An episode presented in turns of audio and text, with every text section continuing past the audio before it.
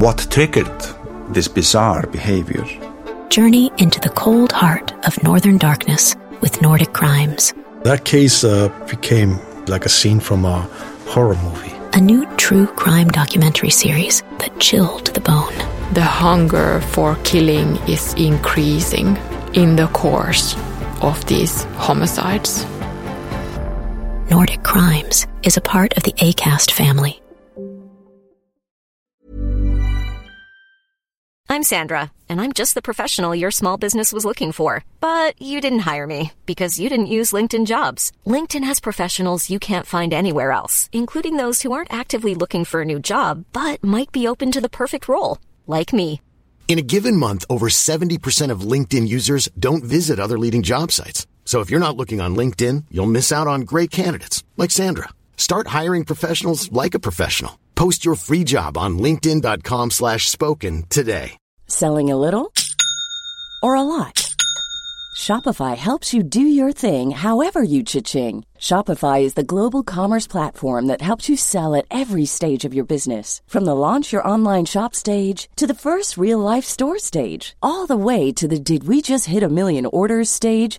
Shopify is there to help you grow. Shopify helps you turn browsers into buyers with the internet's best converting checkout. 36% better on average compared to other leading commerce platforms because businesses that grow grow with Shopify. Get a $1 per month trial period at shopify.com/work. shopify.com/work. When you're ready to pop the question, the last thing you want to do is second guess the ring.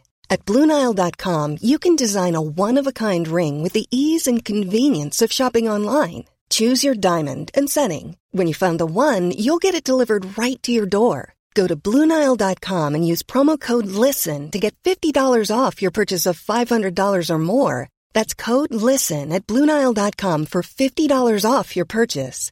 Bluenile.com code LISTEN.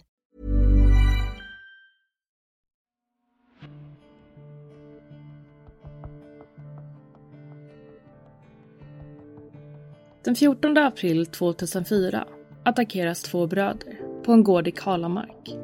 En liten ort drygt två mil väster om Piteå. Den ena brodern misshandlas svårt, men överlever. Den andra brodern avlider i en lada i anslutning till bostadshuset. Tre personer misstänks för inblandningen i attacken. Men den som till slut ska dömas är Kaj Linna. Det finns en stor mängd bevis mot Kaj som ska leda till hans dom. Men det finns också en stor mängd bevis som talar för att det inte är Kaj som är gärningsmannen. Och det ska i sin tur leda till att han blir frikänd 13 år senare.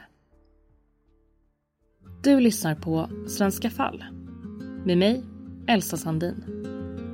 Det här är del två om rånmordet i Kalamark och den numera frikände Kajlinna. Förra avsnittet avslutades med att Nils och Bertil pekar ut Kai som den skyldige. Nils berättelse ska komma att ligga till grund för den kommande utredningen, trots att den är lite oklar. Men det är det ingen som bryr sig om i april 2004. Eftersom den som pekats ut som skyldig plötsligt ser ännu mer skyldig ut. Han är nämligen spårlöst försvunnen. Vi ska nu gå tillbaka till eftermiddagen den 14 april för att höra vad Kaj Linna gjorde resten av dagen och kommande tid efter. Och som jag nämnde i del 1 så pratar Kaj med Nils i telefon vid två tillfällen under eftermiddagen den 14 april. Vad som diskuteras kan ingen av dem redogöra för. Kaj åker sedan till Stockholm runt 22 den kvällen, dit han skulle åkt kvällen innan. Han föredrar att åka den cirka 100 milen långa sträckan under natten. Han tar då sin väns röda bil, eftersom han ska lämna tillbaka den till henne i Stockholm, och beger sig. Klockan 23.14 kopplar Kajs mobil upp mot en mast i Skellefteå. Då ringer han till Nils två gånger. Kaj ringer till Nils för att bilresan är lång och han tänker att han kan passa på att ringa Nils och prata om det här affärsprojektet igen. Nästa gång Kajs mobil kopplas upp är klockan 08.09 i Iggesund, en ort cirka 9 kilometer söder om Hudiksvall. För det är nämligen så att strax innan 8 på morgonen den 15 april så ringer det på dörren hos Kaj Linnas exflickvän. Cirka två veckor tidigare har de haft kontakt eftersom hon har bett honom komma förbi henne för att lämna tillbaka en guldklocka som han har fått låna. Närmare i detaljen så har de inte diskuterat. Men nu står Kai utanför hennes dörr, oanmäld. Han frågar om han kan få låna hennes dusch. Exflickvännen säger att hon bara har kallvatten, så han duschar bara sitt hår. När han kliver ut ser hon att Kai har ett sår på foten, vilket han säger är ett skavsår. Det kommer lite blod på en handduk som han får låna. Men utöver det så är det inget konstigt med varken honom eller händelsen i sig. Och han har ju inga andra sår. Det enda konstiga är att han dök upp oanmäld. Men de hade ju haft kontakt några veckor tidigare.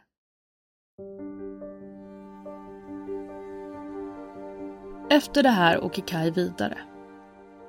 Målet är att han ska ta sig till London. Han vill flytta, göra något annat. Han har inte så mycket som håller honom tillbaka.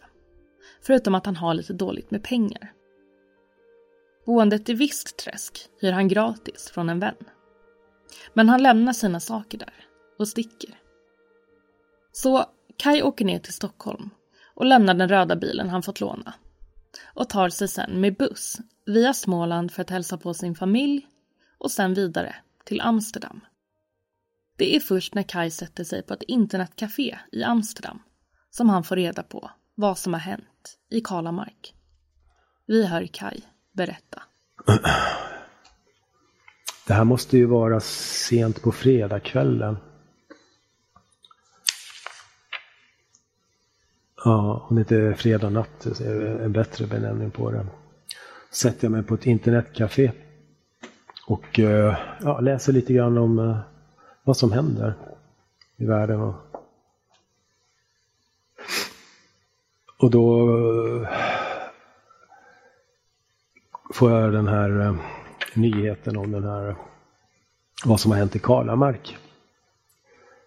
Får jag reda på det. Och eh,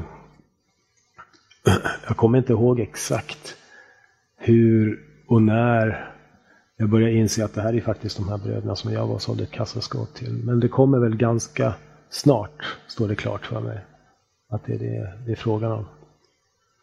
Men sen blir det ännu jäkligare när jag inser att är anhållen för det här. Eller han, inte, han, är, han är inte ens anhållen längre, han är släppt. Nej, vänta nu, var sjutton är jag någonstans? Nej, alltså alla de här bilderna de kommer ju till mig, men vad heter det? Stegvis. Jag blandar ihop lite grann när jag får informationen och så vidare. Men nu är jag helt ute och cyklar. Jag är kvar den 16. Det är därför. Det, är därför. det här är en vecka senare. Ursäkta mig. Eller hur? Det är ingen som håller med. Nej, nu är inte jag vill du rätta dig så rätta hela vägen. Jo, men jag måste, jag måste ju rätta mig därför att jag, jag Det här som har hänt i Karlamark, det har ju hänt en vecka innan. Det är därför. Uh, ja. ja, alltså kring den 20 någonstans. 23, 24 måste det vara. När jag är i Amsterdam. 24 måste det vara, ja. Så är det. Då stämmer allting mycket bättre. För det står ju klart för mig att som har gjort det här. Då var jag väldigt övertygad om det. Nu är jag helt övertygad om att han inte har gjort det. Men eh, problemet var ju att det var, det var mig de eftersökte. Och polisens presstalesman hade väl eh, yttrat sig att eh, det är jag som har gjort det. Saken är klar.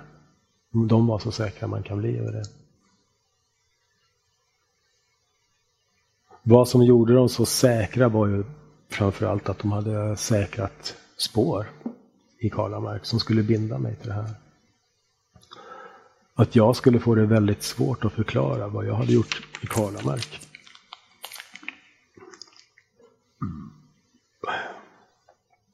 Och eh,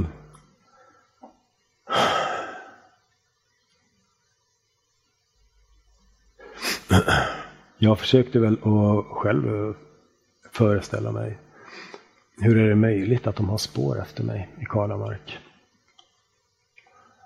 Och är det så att den där jäkeln har skilt, skilt det här på mig?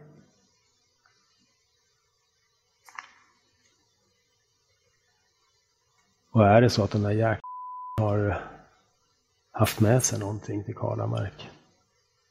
Någonting som har spår av mig, fingeravtryck, DNA. Är det så hjärtligt?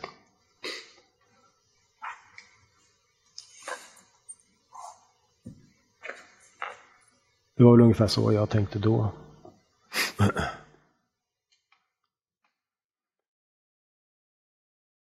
Så Kai får alltså reda på vad som har hänt och får i samband med det här reda på att han är efterlyst.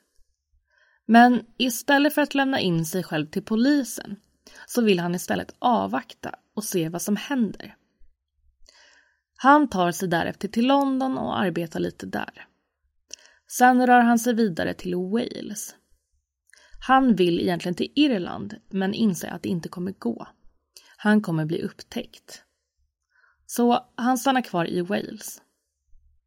Och via internetcaféer fortsätter han ha mycket kontakt med Sverige. Men det ska visa sig vara dumt eftersom det är där han grips den 1 juli 2004.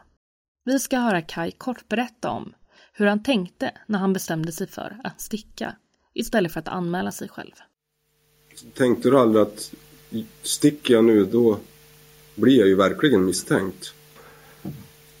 Nej, så tänkte jag nog inte utan jag vet inte, det är, det är ju en, eh, ett ögonblick i mitt liv där eh, hela mitt liv tar en helt ny vändning. Och eh, en, man kallar det för en, ja precis som jag uttryckte det nyss, det, det, det var ett sånt ögonblick. Så att jag får väl en känsla av att den verkligheten, det tog nog ett tag för mig att liksom, liksom leva i den, i den verkligheten. Eh, förmodligen den största, eller definitivt bland de största ögonblicken i mitt liv, där mitt liv verkligen vänds på ända och tar en helt ny riktning.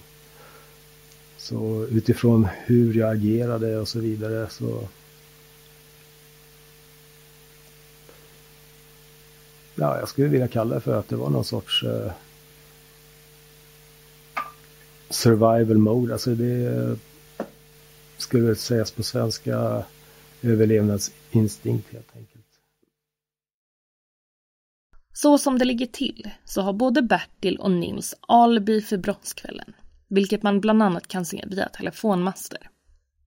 Nils pappa har även vittnat om att Nils var hemma under tiden för dådet i Kalamark, men att han sen åkte iväg för att möta upp Kai och ge honom pengar, precis som Nils har berättat. Så den som finns kvar är Kai. Och både Nils och Bertil har ju pekat ut honom som den skyldige. Den teori som polisen arbetar efter är den teori som just Nils har fört fram. Kai nekar hela tiden till att han har någonting med brottet att göra. Ryan Reynolds here from Mint Mobile. With the price of just about everything going up during inflation, we thought we'd bring our prices down. So to help us, we brought in a reverse auctioneer, which is apparently a thing. Mint Mobile unlimited premium wireless. Ready to get 30, 30, bit to get 30, bit to get 20, 20, 20, bit to get 20, 20, bit to get 15, 15, 15, 15 just 15 bucks a month. So, Give it a try at mintmobile.com/switch. slash $45 up front for 3 months plus taxes and fees. Promo for new customers for limited time. Unlimited more than 40 gigabytes per month slows. Full terms at mintmobile.com. When you're ready to pop the question, the last thing you want to do is second guess the ring. At Bluenile.com, you can design a one of a kind ring with the ease and convenience of shopping online. Choose your diamond and setting. When you find the one, you'll get it delivered right to your door. Go to Bluenile.com and use promo code LISTEN to get $50 off your purchase of $500 or more. That's code LISTEN at Bluenile.com for $50 off your purchase. Bluenile.com code LISTEN. Hi, this is Paige from Giggly Squad, and I want to talk to you about Splash Refresher and my water intake. Okay, so you guys obviously know that I'm a hydrated girly, but sometimes when you drink that much water, it starts to just taste bland, and you're just like, I need something to spice it up. That's why I love Splash Refresher. It has zero sugar, zero calories, and it's a splash of sweetness. And they come in five different flavors. They're so good. Wild berry, acai grape, pineapple mango, lemon, and mandarin orange. My favorite is the wild berry because I just I just love a berry. So if you're like me and you're drinking water all day, then try Splash Refresher. It's going to absolutely change your water game and it's good for you. Och det här fallet är så kallat indiciemål. Det saknas alltså direkta uppgifter, såsom teknisk bevisning, som knyter någon till brottet. Men så i december 2004 inleds förhandlingarna mot Kaj Linna i Luleå tingsrätt. Jag tänkte nu berätta om några av de indicier som ska leda till att Kaj Linna till slut döms till livstid för mord och grovt rån. Så den första är det som kanske anses viktigast. Och det är Nils berättelse som jag har gått igenom. Det handlar alltså om den här avvärjningsresan och planerna Kai ska ha haft på att göra en stöt mot bröderna i Kalamark. Det andra är att Kai saknar alibi mellan 18-tiden till strax efter 23 under mordkvällen. Och att man anser att han skulle ha hunnit till Kalamark och begå brottet. Men vi ska återkomma till det lite senare. Den tredje är huruvida Kais resa till London var planerad eller om det var en flyktresa. Åklagaren menar att Kai flydde landet och sen höll sig borta på grund av att han var skyldig. Men vi ska återkomma även till den här punkten. Sen har vi skavsåret som Kais väninna i Iggesund berättat om. Så i Kalamark fanns det skospår i snön. Och de skospåren matchade dock inte Kais skostorlek. Däremot tror åklagaren att Kaj ska ha promenerat genom skogen fram till brödernas gård i för stora kängor och att det skulle ha gett honom ett blödande skavsår. Sen kommer vi till mobilsamtalen under mordkvällen. Om ni minns så ringde Kaj till Nils tre gånger under mordkvällen vid 23-tiden när han befann sig i Skellefteå på väg till Stockholm. Nils påstod i sin tur att han stod och väntade på Kaj vid midnatt för att Kaj behövde låna pengar, men att han aldrig dök upp. Vi har ju dock hört Kajs förklaring till detta, vilket är att han var uttråkad under sin bilresa och ville diskutera affärsplaner med Nils. En annan intressant detalj är de blåa arbetsbyxorna som vittnet sett gärningsmannen ha på sig när han tog sig in genom luckan i ladan. Det är nämligen så att det har försvunnit ett par blå arbetsbyxor från huset i Vistträsk, där Kai bor. Huset tillhör en väninna till honom och hon rapporterar till polisen att hon vanligtvis har tre stycken som hänger där i källaren, men att det nu bara fanns två där. Och även den här detaljen ska vi återkomma till. Slutligen har vi luckan, eller fönstret, i ladan som gärningsmännen ska ha tagit sig in genom Och där vittnet även såg gärningsmannen, i blå byxor. Under utredning görs nämligen en så kallad kroppsbesiktning.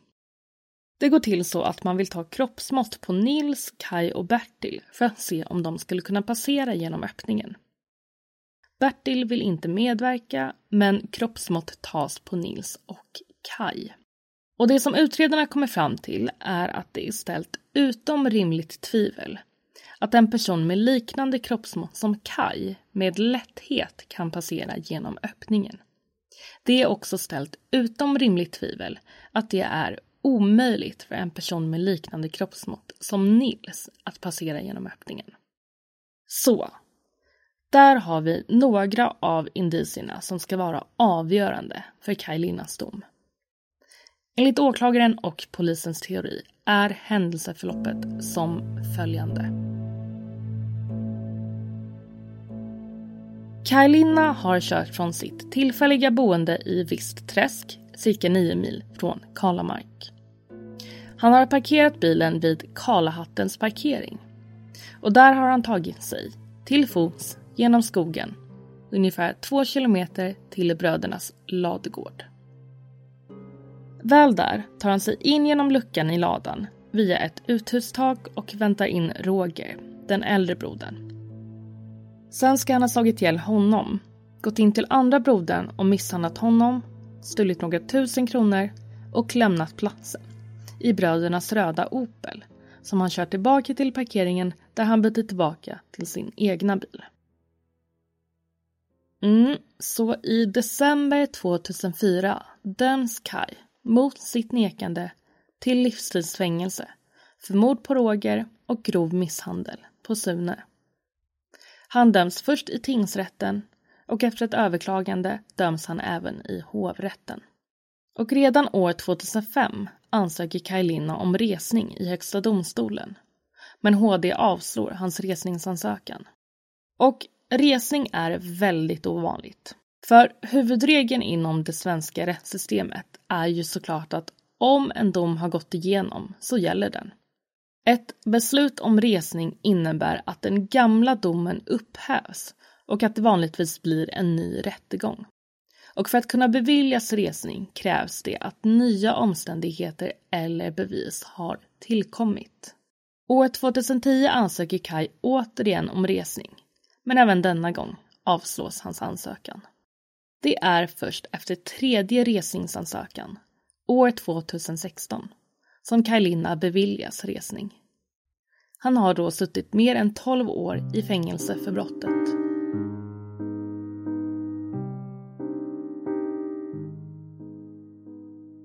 Och nu ska vi gå in på vilka nya omständigheter som har lett till att Kai nu får resning. Den kanske största bristen i domen är att det inte finns något DNA eller tekniska bevis på att Kai har befunnit sig i Kalamark dagen då brottet mot bröderna begås. Det hittas bland annat en snusprilla på platsen men den tillhör inte Kai utan en av ambulanssjukvårdarna. Men det som egentligen är avgörande blir bristerna i huvudvittnet Nils berättelse. Det framkommer nämligen att anledningen till att Nils åkte till Piteå den 13 april 2004, alltså dagen innan brottet, kanske inte var för att avstyra Kai från att göra en stöt mot bröderna, utan något helt annat.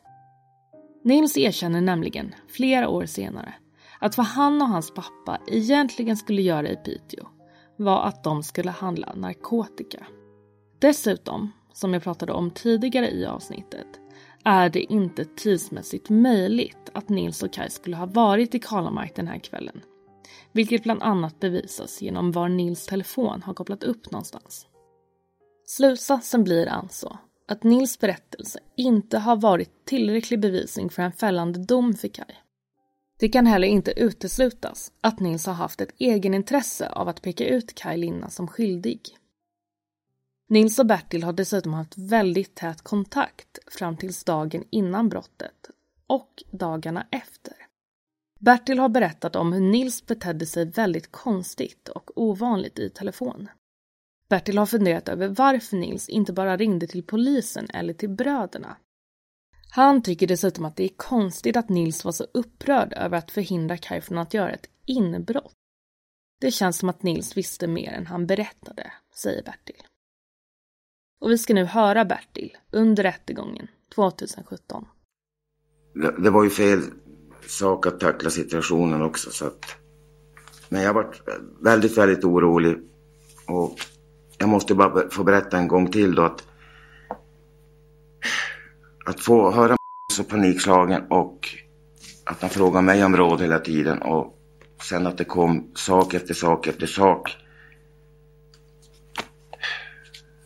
Det var svårt och jag, jag tänker fortfarande på det. Det enda han ville prata om det var om Kai. Alltså hindra Kai att göra inbrott. Men om vi nu går på hans ord sen så verkar jag veta att det skulle hända något mer allvarligt.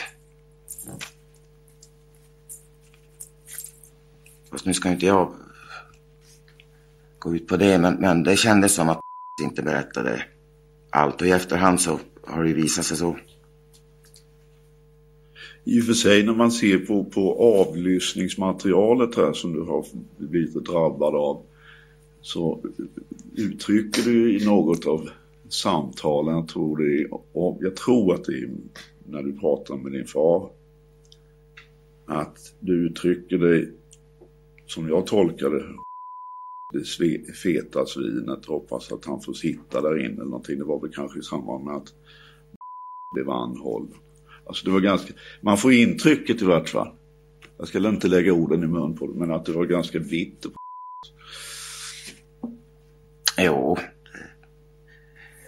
Vitt är nog fel ordet. FB.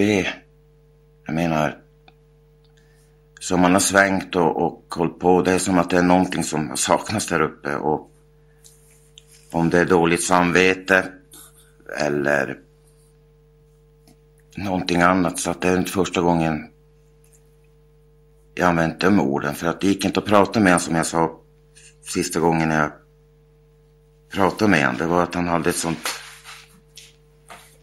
Och jag försökte prata lite om Karla Mark också. Men det hör ju inte hit nu. Men jag frågade i efterhand varför han inte hade berättat allt och han gav aldrig någon riktig förklaring. du fick aldrig någon förklaring? Ja, han vart arg också att jag... Fråga. Jag sa att han... Det är ingen spekulation, det var jag... Som det verkar vara och som de gamla utredarna sa. Nu säger jag inte vad de här nya utredarna. Men det ligger ju en, en, en ganska tydlig tråd på det att, att mer än vad han sa. Kan vi tolka det hur vi vill. Att han var så pass nervös. Och vara nervös för ett inbrott på det sättet verkar ju inte logiskt. Och sen att han berättade allting stötvis och sen kom det fram att han inte berättade allt. Och det var det du menade när du sa att han på något sätt fick intrycket av att han använde dig för att skaffa sig någon form av alibi? Ja. Var det så du menade? Så att jag inte lägger orden i mun på det? Ja, alibi eller helt enkelt om det skulle hända någonting så skulle inte han åka dit för. Så kände jag. Mm, vi ska gå vidare med mer information. Det har också bevisats att Kai inte skulle ha hunnit köra från sitt boende i Vistträsk till gården i Kalamark, inklusive den långa promenaden genom skogen i snön. Tidsramen är helt enkelt för snäv. Vi ska nu höra en polis som kom i kontakt med fallet i Kalamark under senare år och som kan berätta mer om tidsramen. Jag läste lite tidpunkter. Jag, jag, är lite nördig på det sättet. Jag gillar tid, jag gillar eh, sånt här konkret. Jag gillar telefonlistor, jag gillar klockslag. För då kan man ha någonting att för, förhålla sig till. Och då såg jag ju där att han hade lagt på luren i en fast telefon hemma. Jag har sysslat även med lite utredningsbit med, med telefoni när jag jobbade på kriminalunderrättelsetjänsten på ett vikariat. Och där var jag behjälplig då vid ett par mord där jag använde mycket med telefonin och det här. Så att den biten gillar jag. Och då såg jag ju att han lagt på luren där vid 18 och 12. Och sen hade jag läst något vittnesmål med tidpunkter att han senast skulle vara sedd när han det försvann ett par ben in i en laggård här. Eh, 1940 senast. Och då kände jag att han ska hinna med ganska mycket på den biten så att jag gjorde en tidsram på detta, en tidslinje. Och i min värld så sprack den ganska direkt. Och då blev jag än mer intresserad för att gå djupare in i den här utredningen. Men det var väl ungefär där det började.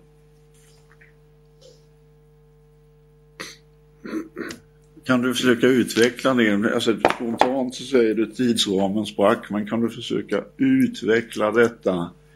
Ja, man... Det är väl också så att du varit på platsen och du har tagit dig från Kallahattens parkeringsplats ner runt det här virkesförrådet ja. eller sågen och sedan ja, det gick inte speciellt bra så sett. Det tog en stund. Men ja, vi, vi har åkt, åkt upp till platsen för att titta på detta och detta var en av sakerna jag ville titta på. Det var att vi åkte upp till bostaden och följde vägen ner till Kalamark. Eh, nu är det ju många år senare så att vägarna har ju förvisso blivit mycket bättre. Men eh, vi fick ju fram uppgifter på att det var tjällossning och att det var fuktig vägbana och sånt där så att det kan inte varit hur lätt som helst att stå på. Och det tog sin tid att komma ner. Men eh, det finns säkert bättre bilförare än vad jag är så att eh, det säger inte speciellt mycket men sen skulle jag gå ut på parkeringen här och eh, ta mig genom skogen ner till, till gården. Och då hade jag läst på på Eniro och sånt där. Och kollat läget lite grann att man skulle in på en led och sen skulle man vika ner höger. Och, ja, det tog tid gjorde det. Jag gick lite vilse där så att eh, det blev inte någon jätteklockren träff på hur jag skulle ta mig. Det jag reflekterade sen över det var ju att det var ju fler moment än att bara åka bil och ta sig en bit i skogen utan någonstans så kände jag så här att eh, Kaj lägger på en telefonlur och sen ska han ut till bilen. För att hinna med det här ännu mer då behöver han skynda sig väldigt mycket. Men han kanske, det, det finns mycket felmoment som kan vara emellan här som tar tid. Man ska knyta skorna, man ska låsa dörren, man ska känna efter om allting är klart och så åker man iväg. Varje minut här är ju dyrbar. Och sen någonstans på vägen med så ska han byta bil. Och då får den ju inte stå ut med vägsträckan i min värld. För att, jag menar då, då kan ju någon undra varför står det en bil här och så, så blir man upptäckt på det sättet. Utan man får väl köra lite åt sidan, byta bil och så ut igen. Sen ska man förbi något förråd och kanske ta något tillhygge med sig och sen ska man klättra upp på ett tak. Så att redan från början var det min, minustid i min värld och, och det, jag, jag, tyckte att det kändes ohållbart. Och den erfarenheten jag har av, av busar om man säger så som, som ska begå brott är ju att de sällan eller aldrig har bråttom till en, en, en brottsplats. Däremot har de väldigt brått därifrån. Och det här har, det var därför jag gärna ville åka upp och titta på det själv för att känna, känna och klämma lite. Minns du hur lång tid? Vi har ju en utredning i domarna här om den som har kontrollerat. Ja. Det finns ju de som har kört på bättre vägar och sedan och där är nog nästan alla överens att det tar ungefär lika lång tid oavsett. Ja. Och sedan är det då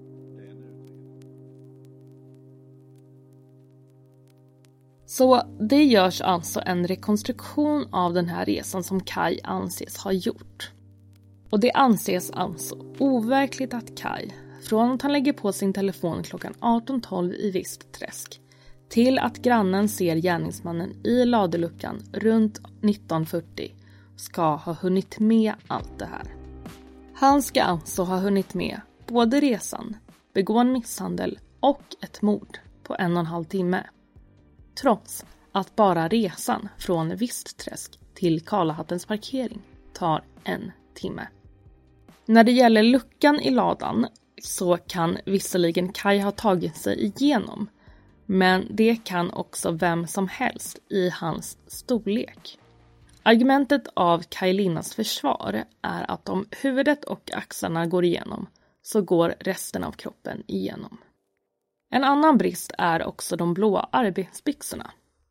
Byxorna som gärningsmannen ska ha haft på sig. Som liknar de arbetsbyxor som fanns i huset i Vistträsk.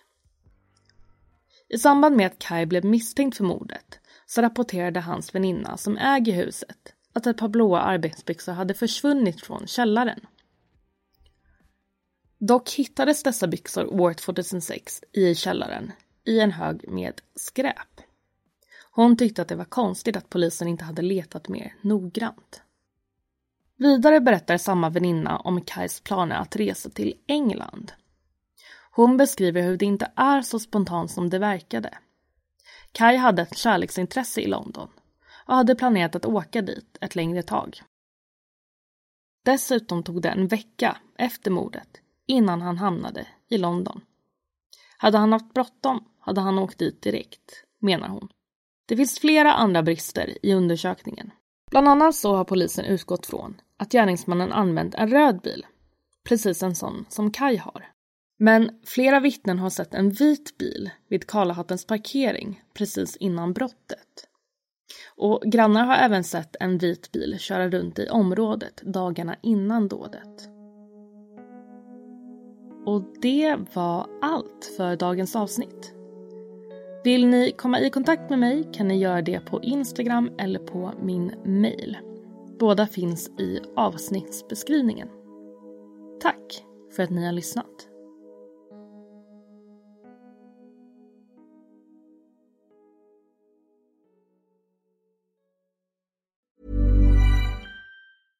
Hello, this is Danny Pellegrino, host of the Everything Iconic podcast, and I'm here to tell you all about Splash Refresher because hydration is mandatory, but boring is not. Now, I love my water, but if I don't spice it up, I'm not going to finish what I took out of the fridge. That's why I love my Splash Refresher, which is flavorful, delicious, bright, hydrating, and zero calories. The wild berry flavor is my fave. No, wait, is the pineapple mango flavor my fave? You know what? All five craveable splash refresher flavors are my fave because they're so delicious. So get hydrated and enjoy it with Splash Refresher. ACAST powers the world's best podcasts. Here's a show that we recommend. The Real Housewives is a guilty pleasure for most, but if you're looking to not feel guilty about that pleasure, tune in to Everything Iconic with me, Danny Pellegrino, where I break down all the messy moments and behind the scenes antics of Bravo's popular franchise. And on Everything Iconic, I also interview celebrity guests like Kelly Ripa, Kiki Palmer, Drew Barrymore, Cameron Diaz, and more about their guilty pleasures, their past work, and so much more. So if you're pop culture obsessed and find yourself watching way too much reality TV like me, tune into Everything Iconic with Danny Pellegrino wherever you listen to podcasts. ACAST helps creators launch, grow, and monetize their podcasts everywhere. ACAST.com. What triggered this bizarre behavior? Journey into the cold heart of northern darkness with Nordic crimes. That case uh, became like a scene from a horror movie. A new true crime documentary series that chilled the bone. The hunger for killing is increasing in the course of these homicides. Listen on Apple Podcasts, Spotify, or wherever you get your podcasts. Nordic Crimes is a part of the ACAST family.